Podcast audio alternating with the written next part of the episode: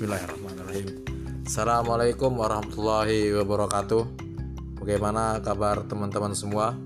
Semoga antum sekalian dalam keadaan sehat walafiat Dan selalu dalam lindungan Allah subhanahu wa ta'ala. Uh, Teman-teman yang berbahagia Mungkin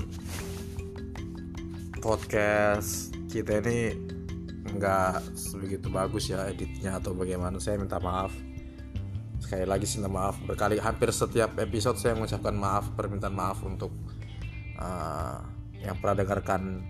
Cuman ya kita berusaha untuk belajar terus untuk lebih baik dalam artian sedikit-sedikit. Nah, nah gimana caranya uh, perlahan bisa sedikit demi sedikit bisa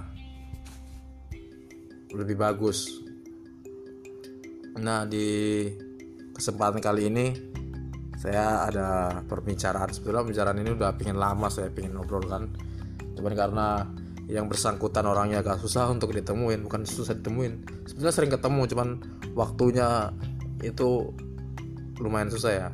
Beliau agak uh, sibuk beruntung sekarang lagi bisa jadi saya manfaatkan. Teman saya ini teman saya sekaligus junior saya sebetulnya. Junior saya di di sekolahan dulu ya. Masih di Balikpapan dulu. Nah, namanya uh, Barul Ilmi. Jadi beliau ini uh, sekarang kuliah di Libya di uh, jurusannya Lugoh. Lugoh itu bahasa sekarang sudah semester 6 jadi kan kita akan bicara-bicara terkait kesibukan beliau dan aktivitas beliau. Uh, lebih tepatnya sih apa namanya uh, aktivitas ya kesibukannya. Jadi nggak usah terlalu dalam sih untuk bicara kepribadiannya dia juga kayaknya enggak sih cuman mungkin nanti disisipi sedikit sedikit oke. okay. Terima kasih. Uh, selamat mendengarkan teman-teman. Assalamualaikum warahmatullahi wabarakatuh.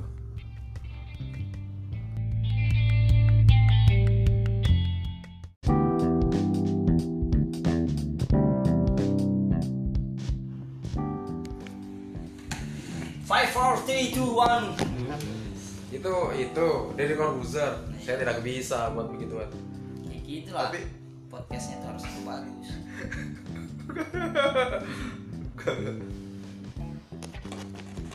Ente sekarang semester berapa? Bi? Saya semester 6 Cepet ya. Semester 6 jurusan sastra Arab. Kayaknya baru kemarin ente masuk Olimpia kayaknya. Iya, itulah waktu Semester enam sudah. berjalan begitu cepat. Ente satu tahun setengah lagi selesai deh. Setahun Setahun setengah kan? Bentar lagi punya anak. Iya, itu, itu usah di, itu udah tahu dah. Oke, selu- eh, oke gini dah, mundur, mundur, Bentar, mundur, mundur, mundur, bentar, mundur, mundur. Bentar, bentar, bentar lagi punya anak itu maksudnya nyinggung gitu. Iya. Kamu tuh kapan? Yang sudah berkepala hampir dua, hampir tiga ini kayaknya. nih. Format abang kayak tadi. Iya, Emang. Enggak, cuma ente nikah. Dulu aku kamu nikah usia berapa? 20 22 22 kan? satu 21 nikahnya 21 kan? Aku tuh waktu usia-usia sekamu tuh pengen hasrat nikah aku tinggi loh. Dari 18 eh dari 19 tahun ke 20 tuh pengen nikah aku. Iya memang di umur 20 itu umur 19 20 21 itu gejolak gejolak orang untuk menikah makanya wajar dan kita bisa lihat orang yang nikah di umur segitu berarti dia eh, tidak mampu menahan gejolaknya. Berhasil deh. Iya yang dia lewat dan belum nikah berarti dia berhasil melawan gejolak hawa nafsunya itu. Tetapi ya kita bisa lihat ketika dia melewati masa itu dia berhasil dan sukses atau berhasil tetapi dia larut dalam pergaulan. Itu kan Beda-beda. juga perlu kita perhatikan. Iya sih, cuman mungkin saya ternyata di umur dari dua- 19 20 21 ternyata saya menikah. Ya, hikmahnya saya menjauh dari eh, yang dikhawatirkan tersebut. Iya kan? Karena enggak nih enggak. Karena ente kita ente juga bersinggungan langsung sama orang gitu ah ujiannya otomatis lebih iya sih. lebih inilah. Apalagi kan di kampus di kan. Sebenarnya kamu lebih anu Jim kamu tuh lebih kalau aku udah ter, aku terlanjur bebas sudah kalau aku. Kalau kamu memang menjaga diri memang. Kamu dulu di pahat nih pahat juga sekolahmu di ini. Ya kalau kalau nggak cepat-cepat dikandangin disarangin gitu bahaya. Kalau aku udah udah bebas lama aku bahaya. Ibarat aku tuh udah jadi kayak yang liar ya. Oh iya udah. Konten. Udah udah ini gitu. Bebasnya udah kalau kamu kan ya ada hafalan yang dijaga ada ini yang dijaga. Jadi ya emang tepat lah sudah itu. Apalagi kan kamu calon-calon kiai nih jadi ustad ya kan. Enggak juga. Jadi berat juga kalau nggak segera menikah itu ini Emang. pembahasannya jadi menikah ya. enggak karena kamu yang mulai tadi. Kurang ajar kamu. Kamu bilang bentar lagi punya anak gitu. Ya tahu aku. Kamu yang mulai? Aduh. Begitulah kehidupan Jim. Tapi kamu itu kan mi. Apa namanya? Nih kamu dijodohin sama siapa sih? Dijodohin orang apa kamu? Enggak. kenal di mana kamu? Aku itu menikah jadi memang karena sejak umur 19 tahun pengen menikah. Jadi memang dua tahun kamu ya sudah, mantan udah, udah ngomong sebelumnya? sudah, ya sudah pernah bicara sama orang tua bukan sama calon. Calon kan tidak saya kenal. Jadi saya sudah bicara sama orang tua tapi masih dibilang kuliah dulu. Ah. Jadi aku masih kuliah dulu. Ah. Dan sebenarnya orang tua itu meminta untuk menikah setelah selesai S1 ah. Jadi begitu ceritanya. Kemudian setelah saya kuliah eh, D2 Hmm. ya 2 tahun pulang lagi Hmm. minta minta lagi menikah masih bilang belum nanti aja Hmm. di sini di sini eh, saya mempelajari apa alasan orang tua melarang atau bukan melarang sih masih kayak Belum ngasih belum- izin. ya belum diberikan izin saya melihat ternyata dari segi kedewasaan oh mungkin mungkin ya kan mungkin orang tua masih melihat saya itu belum dewasa belum bisa mandiri belum bisa tanggung jawab belum ini sehingga selama eh, itu dari umur 20 21 itu saya berusaha untuk menampilkan atau mengubah Membuktikan lah ya. membuktikan ke orang tua bahwa saya itu Sudah layak. mandiri sudah layak Nah, sehingga ketika mendapatkan eh, apa Percayaan. ya, sudah dapat calon gitu atau iya udah melihat ada yang mau dikeker izin langsung. Wuis, langsung Ya, dapat izin. Berarti kan selama itu proses saya untuk mem- mendewasakan diri dilihat oleh orang tua.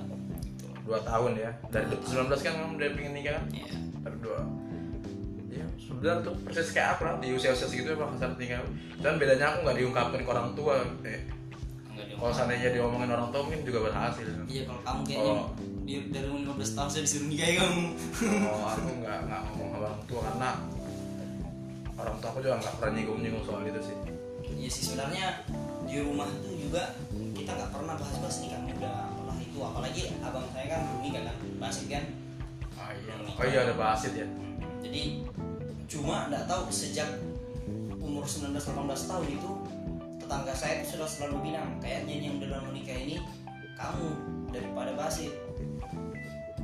Ah, Iya kan? Ada prediksi lah ya. Bisa diprediksi dari se- apa perilakunya kali perilakunya yang barbar kali atau gimana Ya, bahaya kan membahayakan anaknya orang Si sebab itu aku nggak kenal baik itu kenal juga sih, cuman dia orangnya kayak lebih tertutup ya. ya dia lebih tertutup dia tuh sama kayak yang pertama jalan Oh, jalan ya.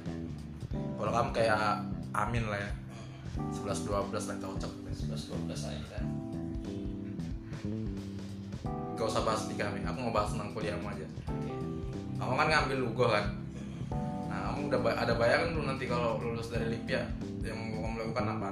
Oh, itu aku ambil sastra Arab ya atau bahasa. Bahasa. Gini orang yang kuliah di Libya jurusan syariah saja keluar itu ngajar bahasa Arab. Hmm. Bagaimana orang jurusan bahasa Arab? Hmm. Sudah ada kan gambarannya? Hmm. Maksudnya apa? Maksudnya gini ya, kalau salah satu dibukanya itu jurusan saya di kampus, Hmm. itu karena memang banyak mahat atau banyak pesantren Hmm. di Indonesia dia meminta biar dibukakan jurusan yang memang eh, khusus apa spe- spe- spesialis di bidang tersebut di jurusan tersebut Hmm. Nah, yaitu eh, sastra Arab Hmm. sehingga ketika dibuka ya banyak sekali mahat pesantren yang menyambut lah istilahnya alhamdulillah dibuka dengan dibukanya seperti ini ya mau tidak mau pasti kan banyak nanti alumni alumni jurusan yang dia memang eh, membawa sertifikat atau eh, ijazah jurusan bahasa Arab yang mana itu dibutuhkan di Hmm. mahat-mahat apalagi di universitas-universitas Hmm. universitas di Indonesia dia itu nggak bisa buka jurusan bahasa Arab kalau dia nggak punya pengajar yang memang ber sertifikat bahasa Arab Iya. bahasa Arab. tapi tapi waktu awal kamu masuk di Liskia emang tujuanmu memang langsung bahasa Nggak, waktu Atau itu, waktu- waktu, waktu aku awal tes jurusannya eh, syariah. Karena memang bahasa Arab belum dibuka. Tes jurusan, syariah. jurusan sastra belum dibuka dan jurusan ekonomi pun belum dibuka. Berarti kamu ini angkatan pertama syariah nih? Eh angkatan pertama bahasa nih? Iya aku angkatan pertama bahasa. Membuka inilah merintis. Iya, ta- tapi memang beda ya pelajaran syariah sama pelajaran bahasa. beda. Itu sekitar 85% bedanya Jauh berarti. jauh karena memang beda sekali yang dipelajari Tapi di belajar fikih juga kan? fikih cuma di semester 2 Setelah itu nggak ada sudah enggak ada sudah. nggak ada juga pelajaran berarti- hadis nggak ada Enggak ada. nggak ada jadi makanya hidupnya santai bukan santai sih sulit juga karena yang dipelajari itu pelajaran kayak adat jahiliyah pelajaran sejarah Iya, iya, iya, sair-sair gitu kan. sair-sair sejarah bahasa Arab kemudian ya nilai adat itu sendiri atau syair puisi itu Ya, sendiri puisi. Yang kita pelajari pun di Indonesia ya. Orang, Arab jago banget tuh berpuisi. sama lah kayak sastra Indonesia yang dipelajari apa kan? Bahasa-bahasa Indonesia bahasa-bahasa tingginya bahasa Sanskertanya. Seperti itu Tapi Arab. Ya, makanya pusing dia harus menguasai dulu. Tapi berarti aku kalau aku ngebayanginnya eh, jurusan bahasa itu dia jadi mufasir gitu sih atau jadi penafsir gitu kayaknya ya dia bisa penerjemah lah minimal. bisa lebih ke situ tapi lebih kayaknya penerjemah, lebih umumnya penerjemah kali ya. Tadabbur tadabbur Quran. Karena kan dia mendalami pelajaran balaghah Ah, balaghah sedangkan di Al-Quran kan memang Al-Quran itu dipenuhi itu dihiasi dengan balaghah iya. ayat-ayat Al-Quran yang biasa kiasan kiasan. Gitu. kiasan kiasan dan sebagainya. Dan itu dipelajari di bahasa Arab. Yang mungkin salah satunya di situ di tadabbur Quran. Tapi tidak menutup kemungkinan untuk orang yang jurusan bahasa bisa menguasai hadis bisa menguasai pelajaran fikih atau syariah yang lainnya. Kalau dia bisa rajin bisa.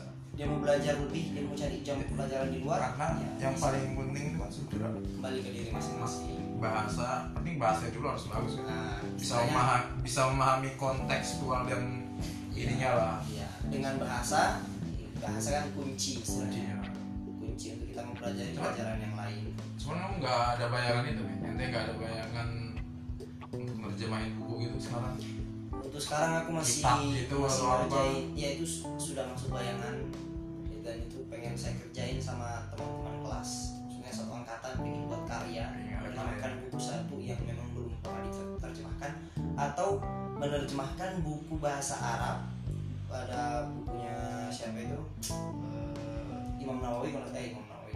Ibnu Qayyim Raudatul Muhibbin tentang cinta. Tetapi ini sudah diterjemahkan. Tapi penerjemahannya apa? Berbeda gitu maksudnya feelnya itu nggak dapat. Bahasanya mungkin masih terlalu berat. bahasanya mau disederhanakan. bukan. Bahasanya bahasanya bahasa Indonesia tapi untuk feelnya perasaan Iya. itu belum dapat gitu. Ketika makanya, kita baca. makanya, itu itu untuk kalangan tertentu aja. Iya. bisa baca untuk ngerti dapat feelnya tuh kalangan tertentu. Untuk kalangan umum mungkin masih terlalu berat gitu loh. Maksud maksudnya apa sih Masih- kayaknya? masih pengen Ya, masih dibuat bahasa masih bisa itu. disederhanakan lah. Cuman itu salah satu PR iya iya iya. Ya memang harus dibuat bacaan tuh harus dibuat seenak mungkin. Gimana Iya. caranya orang baca tuh nggak berasa tiba-tiba kok udah habis gitu. Ya itu PR besar juga sih buat salah satu misalnya pengen orang jadi pengen penulis ya harus gitu. Angkatanmu berapa nih? aku 25 nggak banyak dari 25 awal itu awalnya berapa? awalnya 40 ini masih bisa terkikis loh. Masih ini aja tapi- ada yang tapi- ini aja ada yang cuti tapi kayak gitu kayak sari kan ada yang ada yang roset gitu kan ada yang Oh, kalau enggak kalau Ada yang ini. kayaknya enggak ada yang lolos cuma paling nanti kalau misalnya dia enggak naik enggak lulus tapi ada ujian ada ujian-ujian skripsinya gitu juga nggak sih? Kayak syariah gitu. dia Kan kayak beda. makalah iya ada. Dia dari semester 4 kemarin. Jadi saya itu sudah semester 4 sudah ngerjain bahas.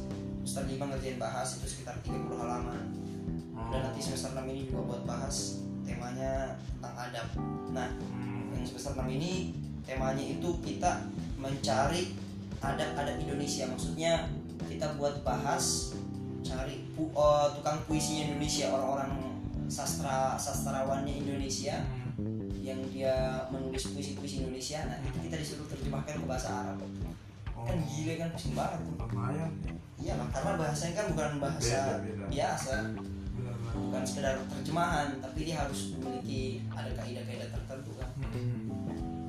beda sekali sama syariah kalau syariah jelas pelajarannya hadis fikih faraid apa ilmu waris dia sudah jelas sudah familiar lah didengar kita ya kan ya kan kan- dan lulusannya kan sudah jelas juga kan mau jadi pasti paling nggak jauh-jauh jadi apa namanya Ustad. jadi ustad jadi pengajar kepala sekolah atau jadi ya, mudir jadi apa kalau ini kan logo kan masih bingung orang. Orang iya orang orang orang orang yang ini pasti masih mikir logo nanti kerjanya apa ya? Aku Ya. sebenarnya yang penting penting belajar aja sih kalau menurut ya terkadang orang banyak ketika ditanya nanti emang kalau kita kuliahnya jurusan sastra atau jurusan logo itu mau jadi apa? Simpel gini aja saya bilang yang kayak tadi. Anak mahasiswa dia yang kuliah syariah aja pulang-pulang ngajarnya bahasa Arab.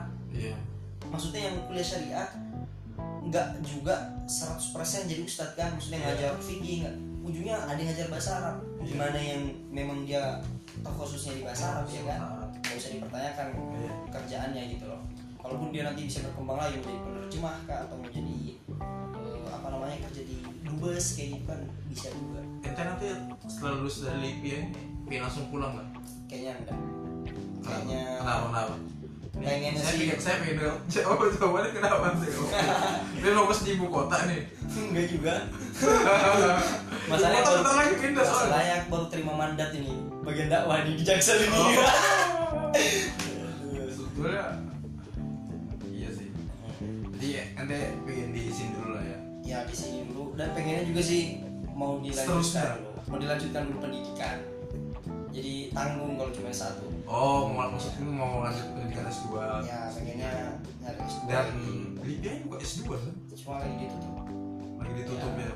makanya kumpulin dana selesai S1 kalau bisa lanjut S2 ya alhamdulillah.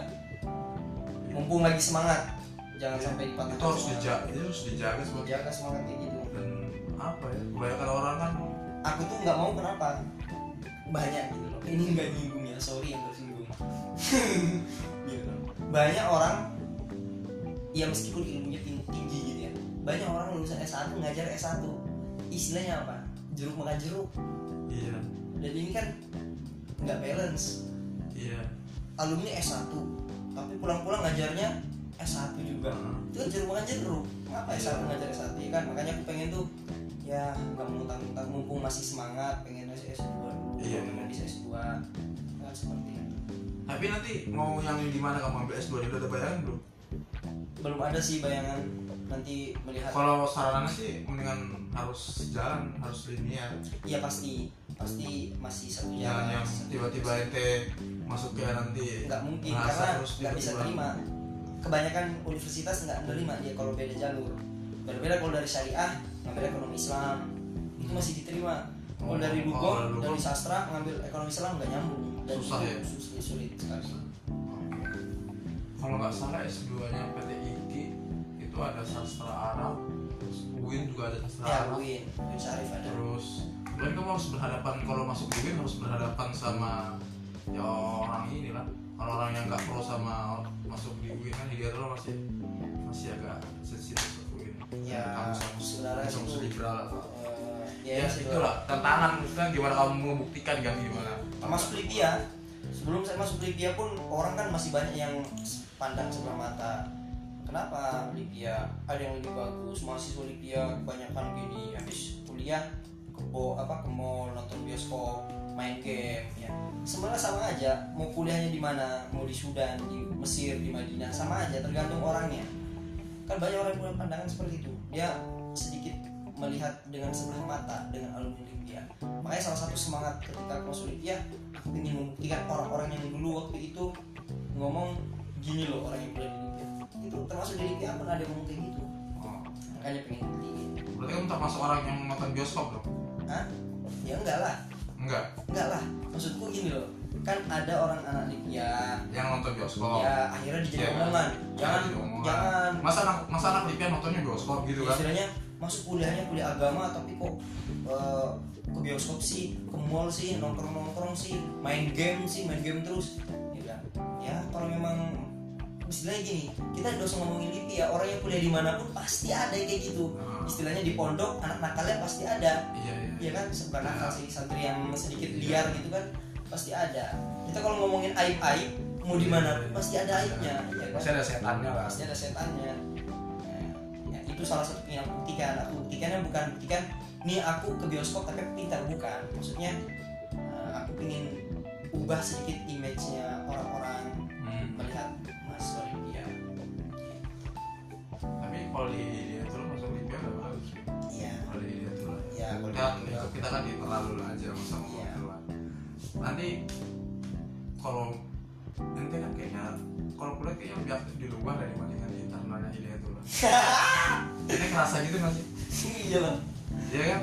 Ya gimana ya?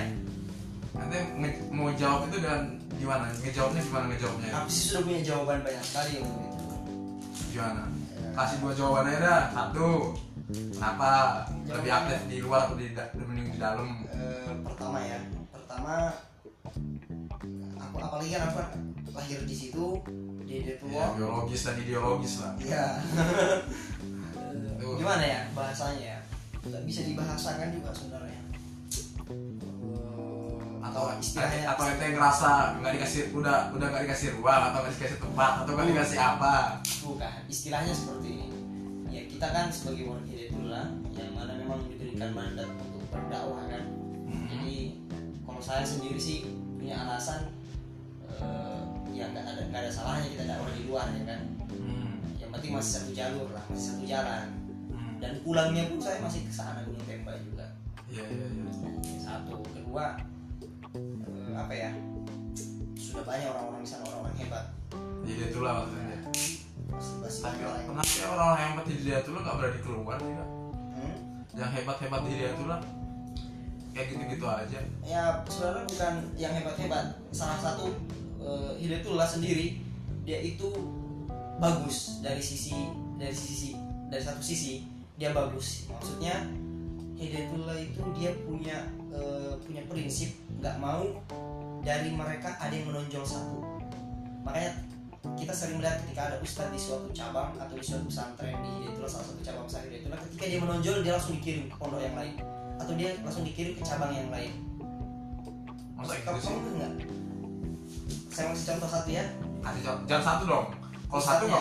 nggak harus lebih dari satu. Oke saya kasih contoh dulu ya satu, satu. Ya Ustadz Zain. Musandan Sadzen beliau menguasai Balikpapan Ah. ya kan? Dia sudah tinggi. Ah. tinggi akhirnya dia dipindah ke Jakarta. Untuk apa? Ah. mengembangkan Hidayatullah di Jakarta. Maksudnya apa? Jangan sampai dia menonjol cuma di Gunung Tembak aja. Hmm. dia dipindah ke Jakarta dia berusaha lagi. Sekarang kan dia di Jakarta belum terlihat apa-apa. Maksudnya tidak seperti pusat-pusat kayak dia, lagi dia, dia sering di mana? Iya cuma tidak tidak menonjol gitu loh. Gambar eh, gambaran ini. Contoh Aki L. Hmm. tau kan Aki L? Hmm. siapa yang menonjol di sana? Ustadz Bahtiar Nasir. Hmm. Wahdah Hmm. Ustadz Resmin Ustadz ininya Ustadz ini. Itulah nggak ada.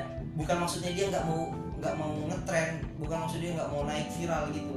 Tapi mungkin aku ya ini pendapat aku kayak opini aku ya dia punya prinsip Eh, jangan sampai di antara jamaah atau di antara para asatid berlomba-lomba untuk dia naik eh, sendiri-sendiri gitu loh. Makanya eh, orang-orang hebatnya di sana itu tidak kelihatan.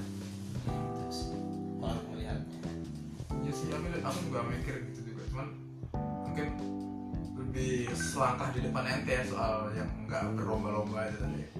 Cuman kalau menurutku Hidayatullah tuh sudah punya tokoh. harusnya Kalau menurut aku uh-uh. harusnya udah punya tokoh yang yang ketika ya mungkin sekarang ini yang bisa dipegang ya yang di DPP bisa Nasirul ya sih atau jadi misalnya uh, Ustadz Abdurrahman jadi memang eh, itu kalau dilihat dari konteks eh, fikih muamalah Hmm. eh, dalam kita eh, fikih muamalah eh, fikih dakwah Hmm. dalam kita apalagi zaman sekarang ya. Zaman sekarang tuh kan apa-apa harus ada yang kita tonjolkan. Memang itu juga eh, sudah menjadi diskusi aku dengan aku kan pernah diskusi sama Ustaz Hanan Hanan Mataki di Bandung. Hmm. beliau ngomong ya, memang kita harus ada kedua Hmm. harus ada kedua apalagi zaman sekarang. Istilahnya yang memang orang tuh melihat di layar orang tuh melihat di internet orang tuh membutuhkan suatu kedua tentu kedua kita yang utama adalah Rasulullah. Cuma kan dia butuh kedua zohiroh maka kedua yang terlihat yang dilihat di depannya gitu kan. Ya aku juga sih punya pandangan seperti itu jadi itulah mungkin harus seperti itu. Hmm. contoh ya ya karena salah satu ya idolaku. Hmm. kalau misalnya yang lokal yang lokal. Ya itulah. Di Gunung Tembak idola aku siapa itu? Ustaz Mukhlis. Hmm. karena dia kan termasuk yang menonjol. Hmm. zaman zamannya dulu tuh kan suka ngisi di radio imam bagus suaranya dan dia terkenal dia menjadi idola. Hmm. Memang itu dibutuhkan sekali. Di eh, khususnya di eh, ormas. Hidayatul tersebut iya. Karena udah sifatnya paling enggak ya aku nggak tahu sih ya. role model lah harus ada role role model. modelnya karena kan dia sebagai se- sebagai membawa nama pribadi dia membawa nama lembaga kan organisasi atau ya yang mewakili warga Hidayatullah lah misalnya di di, di, di nasional kan. Nasional. Karena kalau tidak khawatir jamaah Hidayatullah itu malah mengikuti role model role model dari Hmm. yang lain-lain. Ya kayak ente enggak sih. Oh ente gak ngerasa ya? Enggak lah. Bagus lah. Gue mah. Enggak soalnya so- soalnya kan ente aktifnya sama ini muda hijrah ya tapi kan aku enggak tidak. Bukan maksudnya mengidolakan enggak. Aku cuma eh, berjalan di jalan-jalannya mereka. Maksudnya oh seperti ini ternyata hidup di luar seperti itu. ente kan berinteraksi sama teman-teman orangnya asik-asik ya ya di bawah asik aja sih apa mereka tuh cuma sosialita doang eh, menurut ente gimana cuman ya yang benar-benar ada yang benar-benar ada pun yang cuma sosial itu Kepentingan. kepentingan Ini. umum kepentingan pribadi dan nggak ada ininya Iya, itu biasa terjadi sama setiap orang itu biasa. Eh, lu udah siap belum kalau nanti jadinya kena sindrom gitu misalnya misalnya ente tiba-tiba viral gitu terus ente ngerasa Enggak sih, aku untuk nggak punya. dihubungin orang susah terus ente ini Aku sih nggak punya eh, kayak gitu ya, karena bisa melihat sendiri banyak temanku yang dulunya mungkin eh, apa namanya biasa aja, tiba-tiba naik langsung sulit dihubungin. ya terus tiba-tiba kayak dia bilang enggak bukan dia bilang sih tiba-tiba kayak merasa harus harus dihargai. iya merasa apa, Kalau memang dia secara- seperti itu ya silakan. secara sosial merasa lebih Ya, kalau memang dia melihat seperti itu, kalau gini loh, kalau misalnya dia teman kita yang dulu Hmm. dan tiba-tiba dia berbeda Hmm. dan dia merasa seperti itu harus apa? Dia merasa dia lebih diumumkan, ya berarti memang sifatnya dia. kan. Apa ya? Tapi ada- ya ini tapi aku nggak setuju teman- sih, aku nggak setuju. sebagai teman punya ada kewajiban untuk ngingatin kan? Ya, aku nggak setuju sih maksudnya dalam arti gini. Janganlah dicontoh orang yang seperti itu. Tapi kalau misalnya contoh ada yang dia memang sudah di atas, maksudnya dia sudah terkenal, kita belum dia mengenal dia Hmm. dan dia juga belum mengenal kita. Hmm. Kemudian kita kenalan, Hmm. nah, dan di sini dia merasa dia yang tinggi, ya itu wajar karena memang dia ketika kita bertemu di posisi yang memang berbeda, berbeda? Berbeda dengan yang kita kenal dan dulu yang sama-sama ini Iya. Aku sih mah bahkan kalau mau dibilang nggak pernah apa eh, kontak teman atau apa enggak, malah aku tuh paling ribut di grup di mana-mana. Di Gitu grup ya? alumni, di grup teman, di grup apa bodo amat ngomong aja. Selama kita nggak punya eh, urusan pribadi yang memang harus dikerjakan. ente kan sekarang punya sih nggak sih yang diri ini? Enggak aku nggak namanya kan bareng-bareng belajar Quran kan? Ya, barbecue. nah barbecue. Nah itu yang inisiatif kan siapa itu? Ente, ente sendiri atau ada sama teman atau sama siapa gitu? Ya itu sebenarnya inisiatif siapa? berpikir kan banyak orang zaman sekarang tuh orang-orang hijrah. Nah, tapi ya dia cuma ikut kajian hijrah dan ngaji maksudnya ngaji tapi ngaji ngaji kayak ngomongin tentang nikah Ngaji. hijrah. Ngaji bukan ngaji Quran. Iya, ngajinya lebih dengan nyimak talim, denger ya. ya itu, per- itu per- harus dibedakan sih Nah, antara nah, ngaji. makanya eh, dari situ aku berpikir kenapa ya orang yang setelah hijrah cuma mau ngaji ngaji itu ya nggak mau ngaji Al-Quran? Ya bukan bukan nggak mau mungkin. Eh, mungkin nggak ada memang wadahnya. Iya belum ada. Nah, makanya salah satu alasan aku dirikan wadah itu seperti itu. Ketika melihat orang banyak bingung dia mau ngaji tapi nggak ada tempatnya. Ente sediakan lah ya. Ya. Orang yang mau belajar ngaji ayo bareng-bareng sama Ya. kita nih namanya Kemudian, ini. hmm, saya ketemu sama ada namanya Rizal Wahid kan? Hmm. Rizal Wahid dia juga ternyata punya kegelisahan yang sama. Kemudian dia chatting saya waktu itu eh, kita pengen dirikan komunitas. Hmm. ya sebenarnya sudah satu satu visi. Hmm. Sudah satu visi ya klop langsung kita ketemu ngobrol Ini kenal pertamanya di mana? kalau ketemu sudah lama. sejak main futsal mungkin atau pernah apa itu? Rizal Wahid itu senior gua di sekolah pemikiran Islam. Di SPI supaya gimana SPI Jakarta lah oh iya? Dia sempat kuliah situ kan dia sempat kuliah di situ. Dia dulu- Hikmah dia dulu aku nggak tahu dia kuliahnya di mana. Yang jelas dia masuk masuk di kan sekolah pemikiran Islam itu kan. Jadi isi isinya sih itu sifatnya kayak kursus gitu. Setiap Oke. minggu sekali. Oh diskusi diskusi iya tapi belajar belajar gitu. Ada ada apa ada materinya. materinya setiap minggu berbeda. Terus ada tugasnya tulisan karya ilmiah sama buat reportase buat buat gitulah nah, kalau nggak lulus ya kalau misalnya nggak memenuhi standar ya nggak lulus. Ya Rizal Wahid tuh senior dia kayak mahal angkat ketiga apa aku angkatan kelima dia angkatan ketiga kalau nggak salah aku kenalnya di sana Oh, di, di SPI ada rumah rumah di sini dibilang dekat sini kan Kalibata sih. Tapi setelah itu tapi kan dia kan Wahid kan dia sebenarnya udah kalau nggak salah udah lama fokus ke situ kan. Iya nggak sih? Ya dia memang dia punya komunitas namanya MB mudah mudah berdakwah. Ya, mudah berdakwah itu oh iya dia salah satu inisiatif ya dia inisiatornya kan satu. sekarang kalau nggak salah MB itu Andi Reki. Kamu kenal Andre Reki? Ya kenal juga senior juga di SPI oh dia pernah di SP juga? Ya, Orang Andre ini- Reki masih teman-teman kita juga. orang-orangnya mah itu, itu aja nih lingkarannya itu itu, itu aja. Iya sih. Dia Andi masih Reki terus si Irfan. Rasidi Irfan kenal kan? Irfan kan Rasidi Irfan sekarang anak MB juga yang ya itulah mereka mereka dirinya kan. Nah kan kalau kayak AMB atau berdakwah kan dia fokusnya di mana? Di dakwah di eh, apa namanya eh, bagaimana pemuda bisa bermanfaat lah. Kan buat umat kita juga nggak jauh beda sih dari situ. Cuma memfokuskan ke Quran. Sekarang makasmu di di mana tuh markas sampai sekarang belum ada. Doakan semoga dapat kan ya doain aja. Memang harus ada markasnya. Harus ada kantor kan. minimal kantor lah iya untuk ngobrol-ngobrol. Selama ini kadang-kadang ngobrol di rumahku panggil ke rumah makan-makan ngobrol rapat atau kadang-kadang di masjid Nurul Amal ada pengurusnya nikah semua sih? Banget dan nikah? Sama itu nikah saya juga nikah. Ya paling tinggal yang teman-teman bawah itu yang misalnya masih masih ya? masih sulit untuk mencari. di, di, kala, di, di kalangan muda berdakwah itu sering banget disinggung kayak gitu gituan malas banget kok sebenarnya sudah nikah malas gitu malas gitu kumpul tuh ya ah.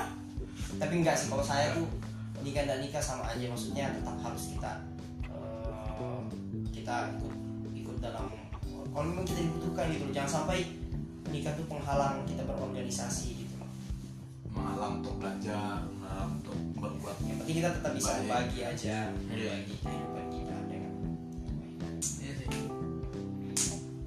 aktivitas ininya yang rutin program ini aku rutin? barbecue ini tuh oh. setiap minggu. Program rutin itu untuk saat ini masih sebulan dua kali dan sebulan sekali. Jadi ada sebulan sekali mabit se- semalam satu juz belajar tahsin tadabbur Quran motivasi Quran.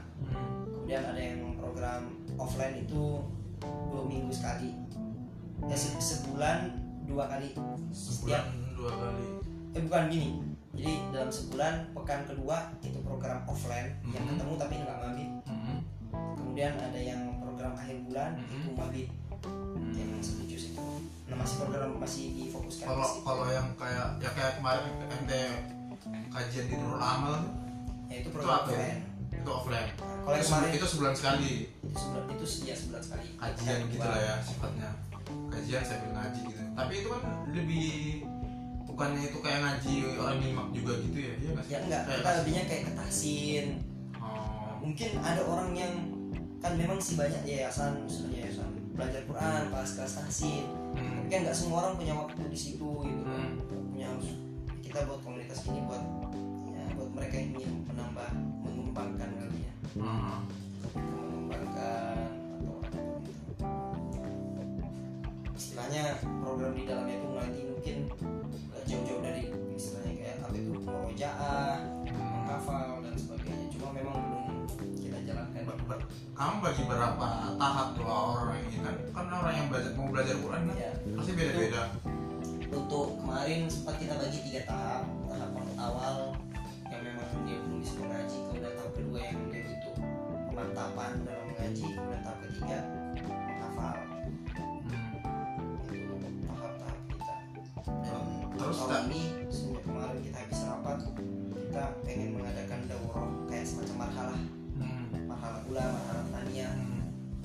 biar eh, mensatukan visi misi kita Hmm. apalagi ini kan komunitas Hmm. jadi harus eh, harus punya ideologi lah istilahnya Iya iya iya. harus dan harus satu visi misi Hmm. yang ikut di kita istilahnya dia harus tahu tujuan komunitas ini apa gitu loh. jangan sampai ikut cuma karena ikutan atau karena diajak teman dan nggak tahu apa ininya Sudah berapa lama? sudah setahun Setahun ya. eh setahun ya Dua tahun Eh, belum, ya? belum, belum sampai Belum nyampe. baru kita mulai itu Ramadan sebelum? Ramadan sebelum Ramadan sebelum Ramadan kemarin bulan Berarti bentar lagi setahun lah ya? iya belum Belum nyampe setahun. lima bulan lima pokoknya Hmm. sekarang bulan berapa dua ya Lalu sebelum tiga bulan lagi bulan lima kan bulan Mei. Bulan lagi. Tapi aku undang-undang narsum gitu juga kan? iya kita Dari setiap bulan ganti-ganti pasti kan? pemateri dari luar dan dari dalam Nah, oke. eksternal. Rata-rata peminatnya banyak kan cowok apa cewek? untuk saat ini masih cewek di pendaftaran pun waktu kita pernah buka itu hampir 200 dan cowok cuma 50 dan itu waktu itu kita memang batasin Setengahnya cewek. Cuma seperempatnya cuy. dan itu sedikit menyulitkan kita khususnya di kegiatan barbecue kan karena kebanyakan kan agak kayak kemalaman repot kalau dia pulang apalagi perempuan kan Dan kegiatannya memang malam ya? kebanyakan di malam sih Iya sih karena waktu paling waktu weekend sabtu ahad kan satu ahad hari lain pasti nggak bisa mereka pada di kuliah dan sebagainya Iya, iya. Tapi yang kebanyakan anak-anak kuliah ya, mahasiswa ya. Kebanyakan anak kuliah yang udah kerja juga. Untuk kursnya udah pada nikah semua, jadi agak aman lah. nih sama negara makanya waktu habis diri kan langsung nikah. Oh gitu. ya memang nah, kalau kita bersinggungan sama hal-hal yang begitu ada baiknya memang segera kita nikah karena ya ya, menikah juga jangan sampai karena kita takut begitu. Kita harus melihat diri kita lah. Iya. Kalau menikah kesiapan diri kita. Iya. Banyak orang eh aku nikah nggak ya? Loh ngapain nanya orang? Ngapain diskusi ke ustad? Ustad saya harus cocoknya nikah apa enggak lihat diri kita juga dong. Ya, kita bukan- boleh minta yang- pendapat. yang, yang tahu kan kapasitas diri kita kan diri ya kita sendiri. itulah. Kita boleh melihat eh, Iya. melihat dari luar mulai tanya ustad boleh. Itu untuk men- menilai kita saja. Tapi pandangan dia terhadap kita tergantung kesiapan ya kita melihat diri kita sendiri lah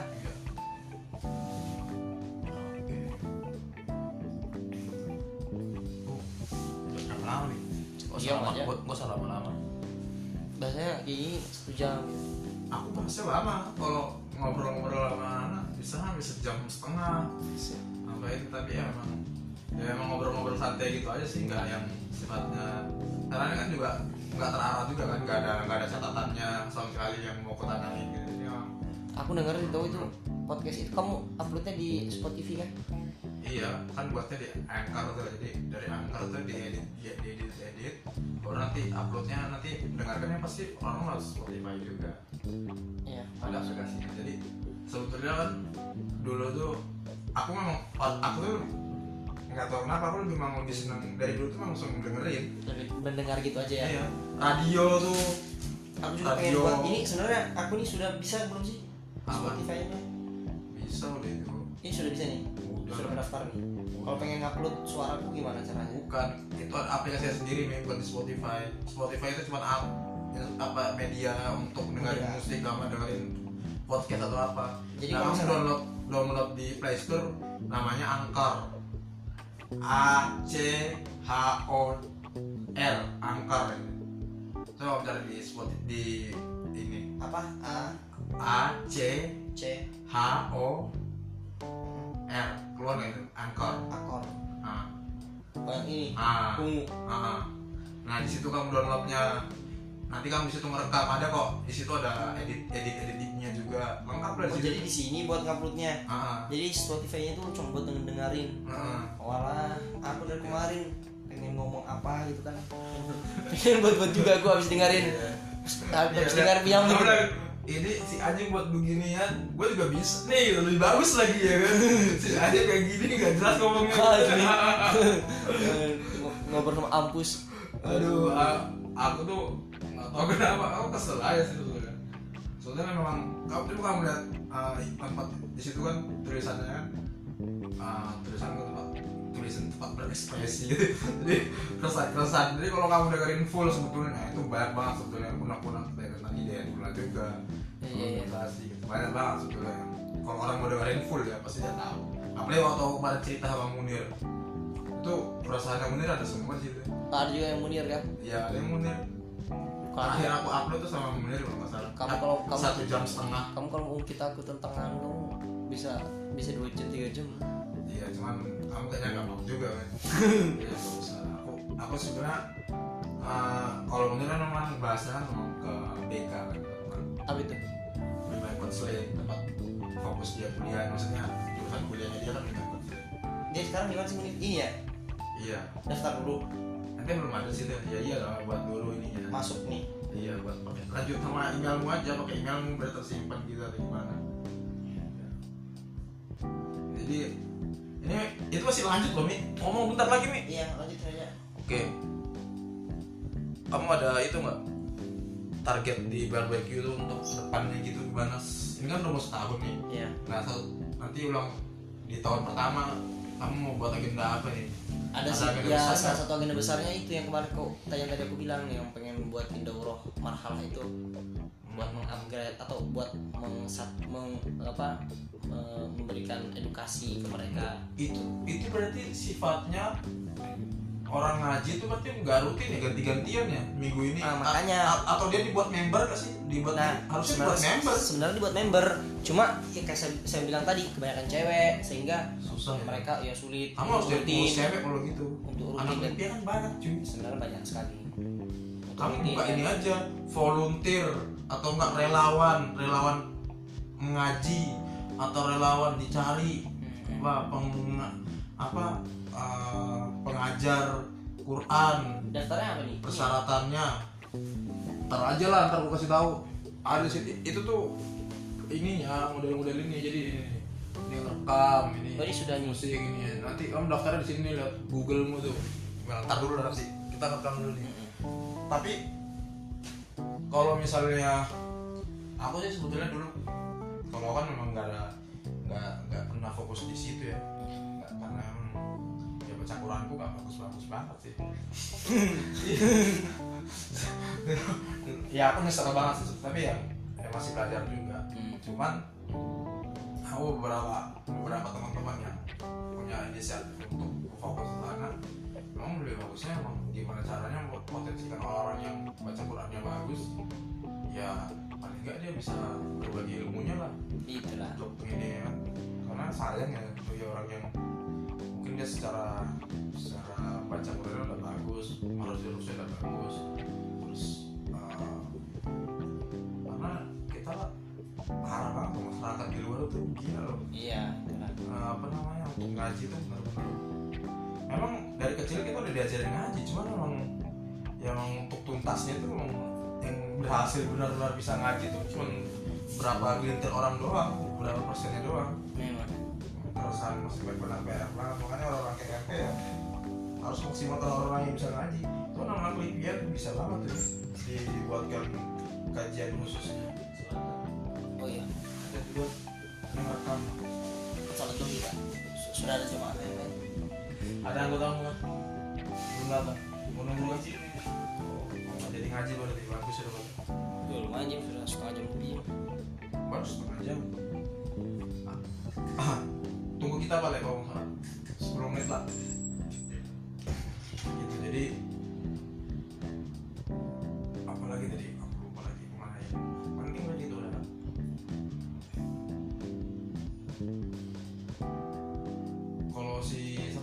intinya- Wahid Rizal Wahid dia selain fokus di barbecue dia kerjanya apa nih tahu nggak? Dia masih kuliah? Enggak kan udah selesai. Dia udah selesai, selesai dia. dia nggak salah punya buku deh. Dia punya buku motivasi. ada buku Namanya buku. karena dia juga kalau nggak salah dia kayak motivator dia. ini apa namanya? Motivator gitu kan? Ya ini motivator. Motivator apa? Ya motivator terus dia juga nulis buku motivasi motivasi buat sing- para single single kamu gitu buat kamu tuh buat orang-orang yang mungkin pengen jomblo dulu jomblo abadi kali. Pengen pengen dulu. Ya sebenarnya saya butuh teman-teman orang yang yang begituan karena saya termasuk orang yang menikahnya entar dulu deh. Dua tahun lagi lah setahun lagi gitu nggak yang langsung cuman memang kalau misalnya ditanya pengen menikah siapa sih nggak pengen nikah? Iya. Itu pertanyaan orang tuh gak konyol sebetulnya yang begitu gua kesel sebetulnya kalau ditanyain kapan kamu mau nikah? Semua orang pengen nikah cuy. Iya, cuman ya Nunggu- nunggu gimana momen aja, gitu bahas. tunggu aja gitu loh doakan gitu kan. Nah, kadang-kadang udah kesel tuh kadang-kadang emos juga gitu tuh. Jawabnya gitu kan. Iya jadi ya gimana? biasa aja tim asli. Nggak nggak usah diambil hati kalau dia sudah nikah baru nanya kayak gitu kamu mau apa maksudnya nanyanya? Kalau belum nikah tanya balik. Iya. Kamu ada ini nggak? Ini yang terakhir nih yang paling penting nih. Kamu kira-kira ada punya pesan apa untuk orang-orang yang sana yang ini aja lah yang paling yang paling sederhana orang yang sekarang udah ngaji bareng sama ente nih. Harapan ente apa kalau harapanku cuma satu maksudnya kalau kita setiap melakukan sesuatu kebaikan itu jangan sampai eh, kita terhenti. Maksudnya ya kita harus selalu istiqomah. Kedua ya dalam melakukan kebaikan pun kita juga harus eh, apa namanya ikhlas ya kan? Hmm. banyak sekali orang banyak sekali orang yang melakukan kebaikan tapi hanya ikut-ikutan dan itu sangat disayangkan. Sangat disayangkan kenapa? Coba kalau kamu ikhlas gitu bukan cuma ikut-ikutan itu kan bisa lebih baik. Ya, seperti itu aja sih kalau buat aku. Khususnya yang mereka yang sudah ikut di barbecue atau di komunitas-komunitas lain dan sebagainya. Sekarang? Konsistensi sih. Hmm, sekarang lagi naik-naik banget sih udah hampir tiga tahun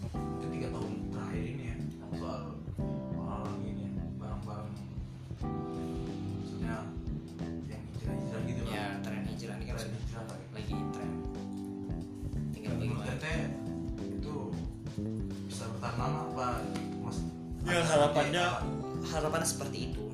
Jadi ketika aku buka waktu itu itu yang minta dibuka itu bukan cuma Jabodetabek. Sekarang kan kita masih membatasi Jabodetabek. Hmm. Dia minta dari Bandung, dari Kalimantan, dari Sumatera, minta dibuka di mereka di sana gitu ya kan. Ya seperti itulah. Ya antusiasnya banyak. Tinggal bagaimana sekarang lagi menyusun konsep biar bisa konsisten di Jakarta itu sendiri kan. Apalagi merintis merintis itu kan butuh kerja keras. Butuh paten lah dan nyari orang yang satu visi misi itu ya sulit sulit sekali. Jadi kesimpulan dari omongan kita ini apa Mi? kesimpulannya satu. Apa nih? Enteng ente berarti fix nih ya pengen fokus di situ aja ya. Ya enggak juga sih. Ente pengen pengen belajar dulu. Mungkin ente lebih pengen jadi itu kan dari ngajar ngajar ngaji gitu aja tuh kayaknya. Aku sih pengen fokusnya loh maksudku. Ya bisa jadi nggak jauh-jauh dari eh, akademisi pendidik lah nggak jauh-jauh dari situ.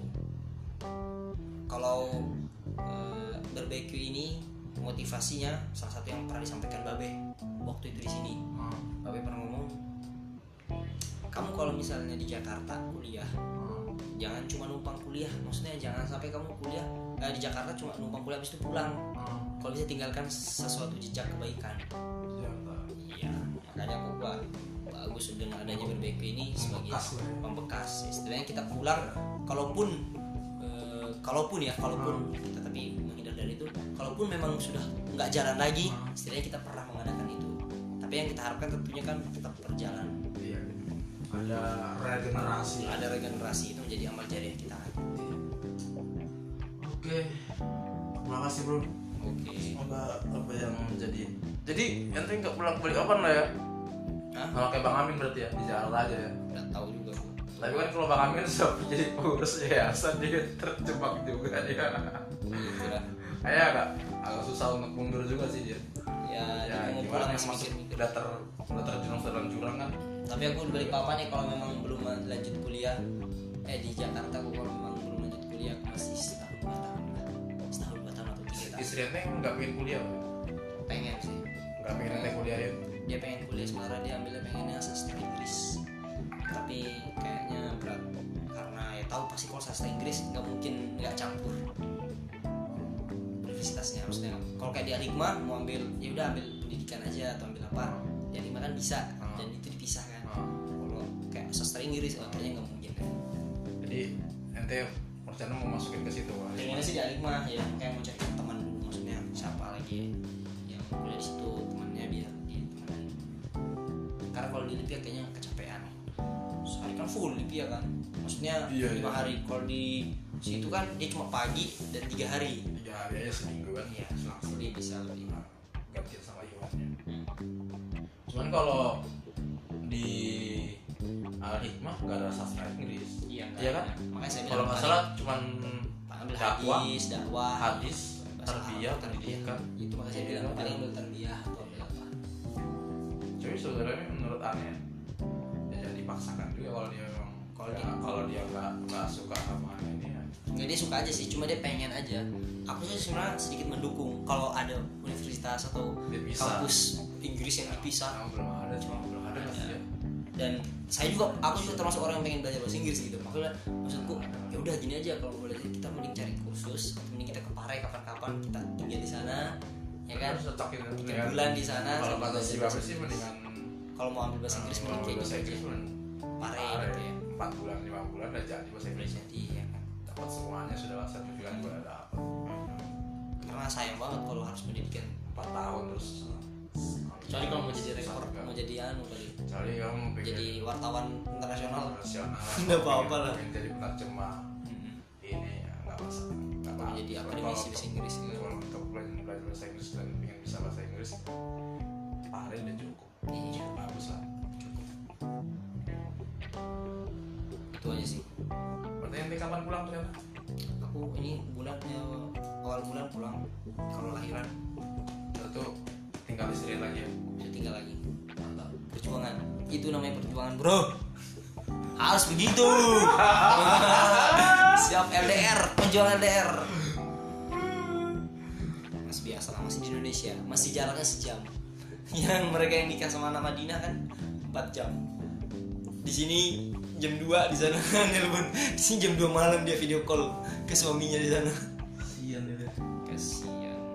Tapi di Madinah sekarang tuh ada itu masih kalau kita bawa istri nggak dikasih itu lagi ya? Nggak Sulit. penginapan ya sekarang? Ya? Sulit. maksudnya nggak disubsidi lagi ya? Iya jaminannya mahal. Bilangnya 80 juta berapa setahun. Ya enggak maksudnya jaminan buat bawa istri. Iya 80 juta setahun Kan? enggak 80 juta buat jaminan doang. Oh gitu? Kan nggak tahu itu. Tuh jaminan apa enggak gitu oh. Coba kita sholat asar sholat makasih Mek.